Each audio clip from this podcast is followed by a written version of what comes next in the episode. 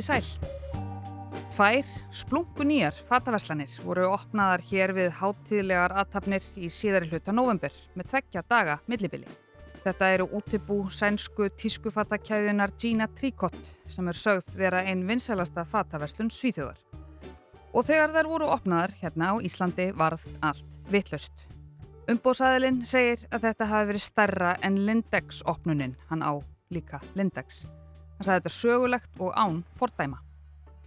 Og svo heldum við uppteknum hætti um helgina þegar krónan hóf sölu á vörum frá bandaríska snirtiföru fyrirtækinu ELF. Það skapaðist eiginlega bara múæsing í krónunni í lindum þegar konur á öllum aldri stendur í frétt rúf, ruttust inn í búðina og hlýfðu engu sem í vegi þeirra var. Það var vist búið að kynna þetta eitthvað á samfélagsmiðlum. Þetta var eftir bókinni, það var komin röð fyrir opnun og þegar stóra stundin rann upp þar að segja stundin þegar krónan í lindum var opnuð fyrir viðskiptavinni eins og alla aðra daga. Ruttust konurnar inn í búðina, rifu snirtidótið úr hillunum og gerðu það sem er kallað áhlaup á vörubretti sem á var snirtidót sem átti að notast til áfyllingar. Kassar og vörur lágu eins og hráfiði út um allt, segir í frétt rúf sem byrtir myndir sem helstið mælir með að verði skoðaðar en ekki strax því þátturinn er bara rétt að byrja. En hvað er eiginlega svona merkilegt við nýja fatabúð? Er ekki að opna nýjar búðir nánast í hverju viku hérna? Eða nýtt snirtiförumerki? Sérstaklega í dag þegar það er hægt að nálgast nánast allt á internetinu eða bara næst hefur skreppum til útlanda. Er þetta kannski bara stemningin? Af hverju erum við orðin svona? Eða höfum við kannski bara alltaf verið svona? Þetta eru auðvitað alls ekki fyrstu dæmin þar sem við Íslandingar látum eins og hungruð og misvel uppalinn rándýr myndum byðraðir eða örtraðir og frumskóarlögumálið eitt ríkir. Þegar það er búið að lofa okkur einhverju nýju og spennandi á spott prís.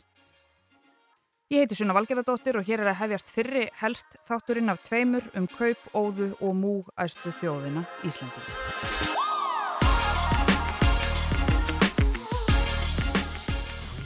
Örtröðin fyrir framann verslun söstrinni Greni í kringlunni tók að myndast frekar snemma, einn ósköp venjulegan 50 dags morgun í september 2016. Það sem dróð fjöldan að var ekki opnun nýrar verslunar, ótrúleg tilbúð eða gjafir, heldur var það ný vörulína. Í henni voru meðal annars púðaver, loftljós, barstóll, speill, fatarslár, gólfmotta, nývapör og síðast en alls ekki síst vegghillur. Það voru svona penar vegghillur, smá eins og móðins hansahillur, festar í járn sem liggur niður veggin. Þar voru til í kvítu og svörtu og í nokkrum stærðum. Pössuðu líklega á flest heimili. En þarna komust hillurnar á mun færri heimili en vonast var til. Ég er farin að dreyma þessar hillur. Er þessi til í augnablikinu? Egið þið vona á þessum hillum aftur? Er hægt að taka frá? Er hægt að panta á næstu sendingu? Eru hillunar glansandi eða mattar og hvað mál eru á henni? Ég er svo að passa mig að kíkja ekki til ykkar því þá myndi ég eigða öllum peningunum sem ég er búin að vera að spara fyrir utalandsferðina mína. Þarna heyrðu við nokkur valið komment fyrir neðan sjö ára gamla Facebook-fæslu Söstrinni Greni þar sem nýja vörulínan er kynnt til leiks. Í versluninni í Smáralind náði röðin frá versluninni að bæreins bestu og þar var hliftin í hollum. En það var sannarlega ekki svo skipulögð stemning í kringlunni og það er vísir sem greindi skilmerkilega frá þessu og segir að sögn sjónarvotta lág nánast við slagsmálum þegar viðskiptavinnir mest konur keftust við að hrifsa til sín hillunar. Eru hilluna sem sagt búnar? Ég ætlaði bara að kíkja í róleheitum um helgina og ná mér í hillur fyrir eldúsið. Það hefði verið nöðsynlegt að takmarka hvað fólk tók margar hillur sem voru langvinnsælastar. Sumir komu út með alltaf tíu hillur og meðan aðrir fengi ekki neina. Það hefði verið svo einfalt að takmarka fjöldaköpin bara á staðinu með hillurnar þegar ljóst var að þær voru svona vinsælar. Einu röðinni fór inn og spurði um þetta en það var ekkert gert. Ég stóði í röð á samt mjög mörgum öðrum og það var ansi fullt að sjá suma koma út með 6-8 hillur. Líka fullt að sjá þá sem voru aftar í röðinni díla við aðila sem þeir þekktu framar í röðinni. Um 150 hillur voru til sölu í hverju verslun og það var greinilega alls ekki nóg. Svo, nokkrum árum síðar, voru margar af þessum eftirsóttu hillum aftur í sölu en í þetta sinn hjá almenningi á netinu undir dálknum notuð húsgögn. Hillur úr söstrinni greini til sölu. Það sést smá á tveim hillum en hægt er að púsa það upp. Klassísk söstrinni greini hilla. Selst vegna breytinga. Keift fyrir einu halva ári og í góðu ásjökomulagi. Fæst ekki núna í söstrinni en kostaði upprunalega 8.500, fer á 4.000. Tvær hillur að mér minnir úr söstrinni greni saman á 2.000 krónur. En síðan eru liðin mörg ár. Nú í síðasta mánuði dró heldur betur til tíðinda í tískubransanum á Íslandi. Gina Tricot er sænst stórveldi, stopnað 1997. Fyrirtækið er ekkur í dag um 150 verslanir í fjórum löndum og eru með um 1500 manns á launaskrá, eiginlega bara konur og höfustöðvarnar eru í stórri og glæsilegri gler byggingu í Boros í Svíþjóð þar sem um 200 starfa. Og nú hefur Gina Tricot hafið göngu sína á Íslandi, í kringlunni í Reykjavík og Glerartorki á Akureyri. Þetta er vist í fyrsta sinn sem verslanir í keðjunni opna utan svíþjóðar með svo kulluðu umbóðsmanna fyrirkomulagi en það eru Lindex hjónin Albert Magnússon og Lóa Dagbjörn Kristjánsdóttir sem eru umbóðsaðilar. Þetta eru föti í ódýrar í kantirum svona miðað við. Gull handtöskur kostaðum 5.500 krónur og kjólar í kringum 10.000. Gallaböksurnar eru frá cirka 5.000 og uppúr. En Albert hefur verið tölverti viðtölum vegna opnarinnar bæði fyrir hana og eftir hana Hann sagði við MBL að útlitt verslanana sé ofur nútímalegt og í stíl við verslun Gínu Tríkott við Drottninggatan í Stokkólmi. Ljósi litir, mjúkir tónar og viðar áferð kallast á við skjái og innretningar sem veita innblástur og draga fram nýjustu línutnar. Albert sagðist þarna fyrir opnununa skinja mikla stemningu í þjóðinni. Lukkuhjóli var stilt upp, Volvo, Amazon, Ford bíl líka og allt hvað eina. Opnuninn fór fram úr björtustu vonum. Það þurfti að leipa fólki inn í hollum eftir rauða dreglunum í kringlunni og inn fyrir flaujalsreipin og kalla út auka mannskap og örgisvall. Vefsíðan goodonyou.eco tekur saman allskynns upplýsingar varðandi fött og hversu góð eða slæm framleysla þeirra er fyrir umhverfið. Leikonan Emma Watson sem leik Hermione í Harry Potter er einn af talskonum stofnarinnar. Þar er unnið með allskynns gögn til þess að veita engun allt frá starfsaðstæðum fólksins sem býr fötinn til, flitur þau og selur til aðgerða fyrirtækjana í loftslagsmálum og umhverfstefnu og hvernig dýraafurður koma inn í myndina ef þær gera það. Gudon Jú hefur skoðað gögn um þúsund tískuvöru framleiðanda og niðurstöðunar eru í stötumáli að um 85% framleiðandana fá ímist við forðumst þetta merki eða ekki nógu gott. 15% fá þetta er byrjun í engun og undir 1% fá gott eða herra. Það er þetta nálgast nánari upplýsingar um aðferðarfræðina og niðurstöðunar á goodonyou.eco. En Gina Tricot fær engunina ekki nógu gott, not good enough. Engun fyrir umhverfið fær fyrirtækið 2 af 5.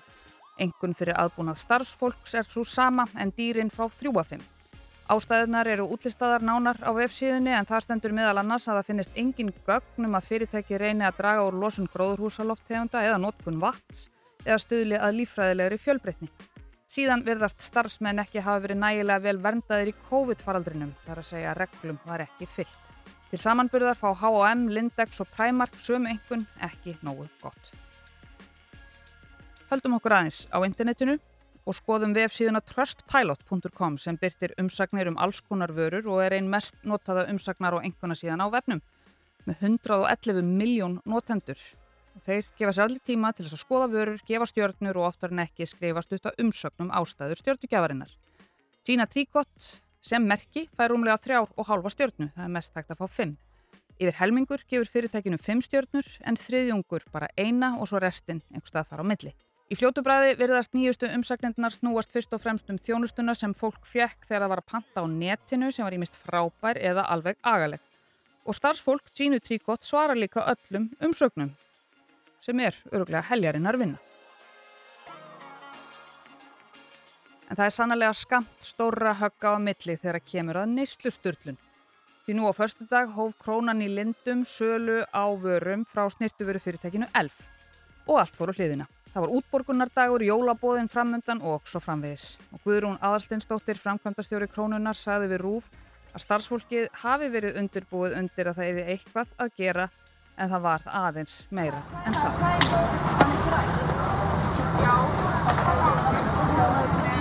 Guðrún segir æsingin hafa mynd helst á það þegar præm orkudrykkurinn kom til landsins og þetta síni glögglega áhrifamátt samfélagsmiðla. Hálgert upp, lausnar ástand skapaðist og í byrjun fekk starfsfólkið vægt áfall. En síðan var nú bara hlegið að því að eitthvað geti orðið að svo miklu æði að fólk byrja að rýfa upp kassa og ráðast á vörubretti. Það sést á myndunum að mikill meiri hluti viðskiptavinnana í krónunni voru ungar konur, stelpur, en þó eru konurnar á öllum aldri. Og það sama má segja um opnunarháttíð fyrirnemdrar Gínu Tríkott. En er þetta eitthvað nýtt? Er þetta svona heimur vestnandi fer? Ætli það. Það eru nefnilega ekki bara ungar konur í leitað hillum, snirtiförum og fötum sem hópast í svona. Matgæðingar þessa lands hafa til dæmis myndað byðraðir eins og sást í faksafeninu fyrir 20 árum 1993. Þeir voru þó nokkuð margir sem lögðu leiðsynni í bónusveslaninnar í dag til þess að fá ókipis smjörlíki. Núna fyrir hátið mynduðust strax byðraðir við flestar veslanir. Mikið, erst þú að koma hinga til að fá smjörlíki? Já, líka. Ég er að fara í ferðarlega um helgina og við ætlum að kaupa okkur pulsur og svona á grillið og líka smjör líki fyrir baksturinn. En uh, nú fá menn bara eitt stykki á er best, já, já, já, samt að reyna. Og íslenskir viðskiptafórkólvar vegra sér heldur ekki við að standa í röðum eins og sást 97 þegar hlutabref í ferðaskrifstofunni samvinnumferðum landsín fóru á marka. Fyrstu kaupendurnir voru komnir í röð hjá fjárvangi um sjöleitið í morgun og hálf tíma síðar voru öll brefin uppseld. Í þetta skipti voru seldir 100 svo kallaði skattaskamtar hver að markasverði 130.000 krónur. Ráftækja áhuga fólk viðist líka elska raðir. 1999 var fyrsta verslun BT í kringlunni opnuð. Markaður hér á landi fyrir rafmakstæki hverskins, sjónvörp, tölfur, GSM-síma og fleira virðist óendanlega stór. Röð sem náði frá verslun BT í kringlunni og langleðina nýkaupi í hinumenda húsins lasti við í morgun þegar að verslunin opnaði í fyrsta sinn. Orðin 2 byðröð og rafmakstæki eru nánast að verða samheiti hjá þjóðinni en það koma landsmenn í hundraðatali saman í röð þegar gildnileg opnunartilbóð er auglýst. Þeir fyrstu mætti á staðin á miðinætti og um fimmleitið í morgun vorum 30 manns í röð fyrir utan búðina. Og 2011 var tónlistarhúsið Harpa alveg að fara að komast í gagnið, loksins og menningavitarnir letu sér ekki vanta þegar tveir mánuðir voru í opnun og miðar voru í bóði. Það var lung byrjuð þegar miðasala hörpu var opnuð í vikunni og mikið álag á miðasölu kerfi miða.is og fór svo að vefsíðan lokaðast um stund. Já, bara kíknaði undan álæginu. Já, flesti vildi kaupa miða á opnunatónleikar Sinfóníu hljómsveitir Íslands undir stjórn Vladimars Askineski 4. og 5. mæ Uh, eflaust forvittnilegi tónleikar og uh, margir þurftu frá að hverfa þess 810 miðar fóru í almennasölu og áhuga fólkum endurnýtingu er auðvitað ekki undan skilið eins og sást í sumar. Góði hyrðirinn hefur sprengt utan á sér fyrir húsnæði og opnaði í dag í nýju og stærra húsi með 200 tonn af notuðum hlutum til sölu. Það voru 300 manns aðeins teljum í röð núna í morgun þegar við opnum á góðum, vennilegum degi er svona 50-100 manns í rauð að býja eftir að komast inn í goða hyrðin. Við sjáum þetta líka þegar aprílgöppin hefnast vel, þegar fólk hleypur vandræðarlegan apríl eftir að fjölmiðlar hafa gappað þjóðuna upp úr skónum með lofum ókipi spíla eða grindkvalavöður eða gull.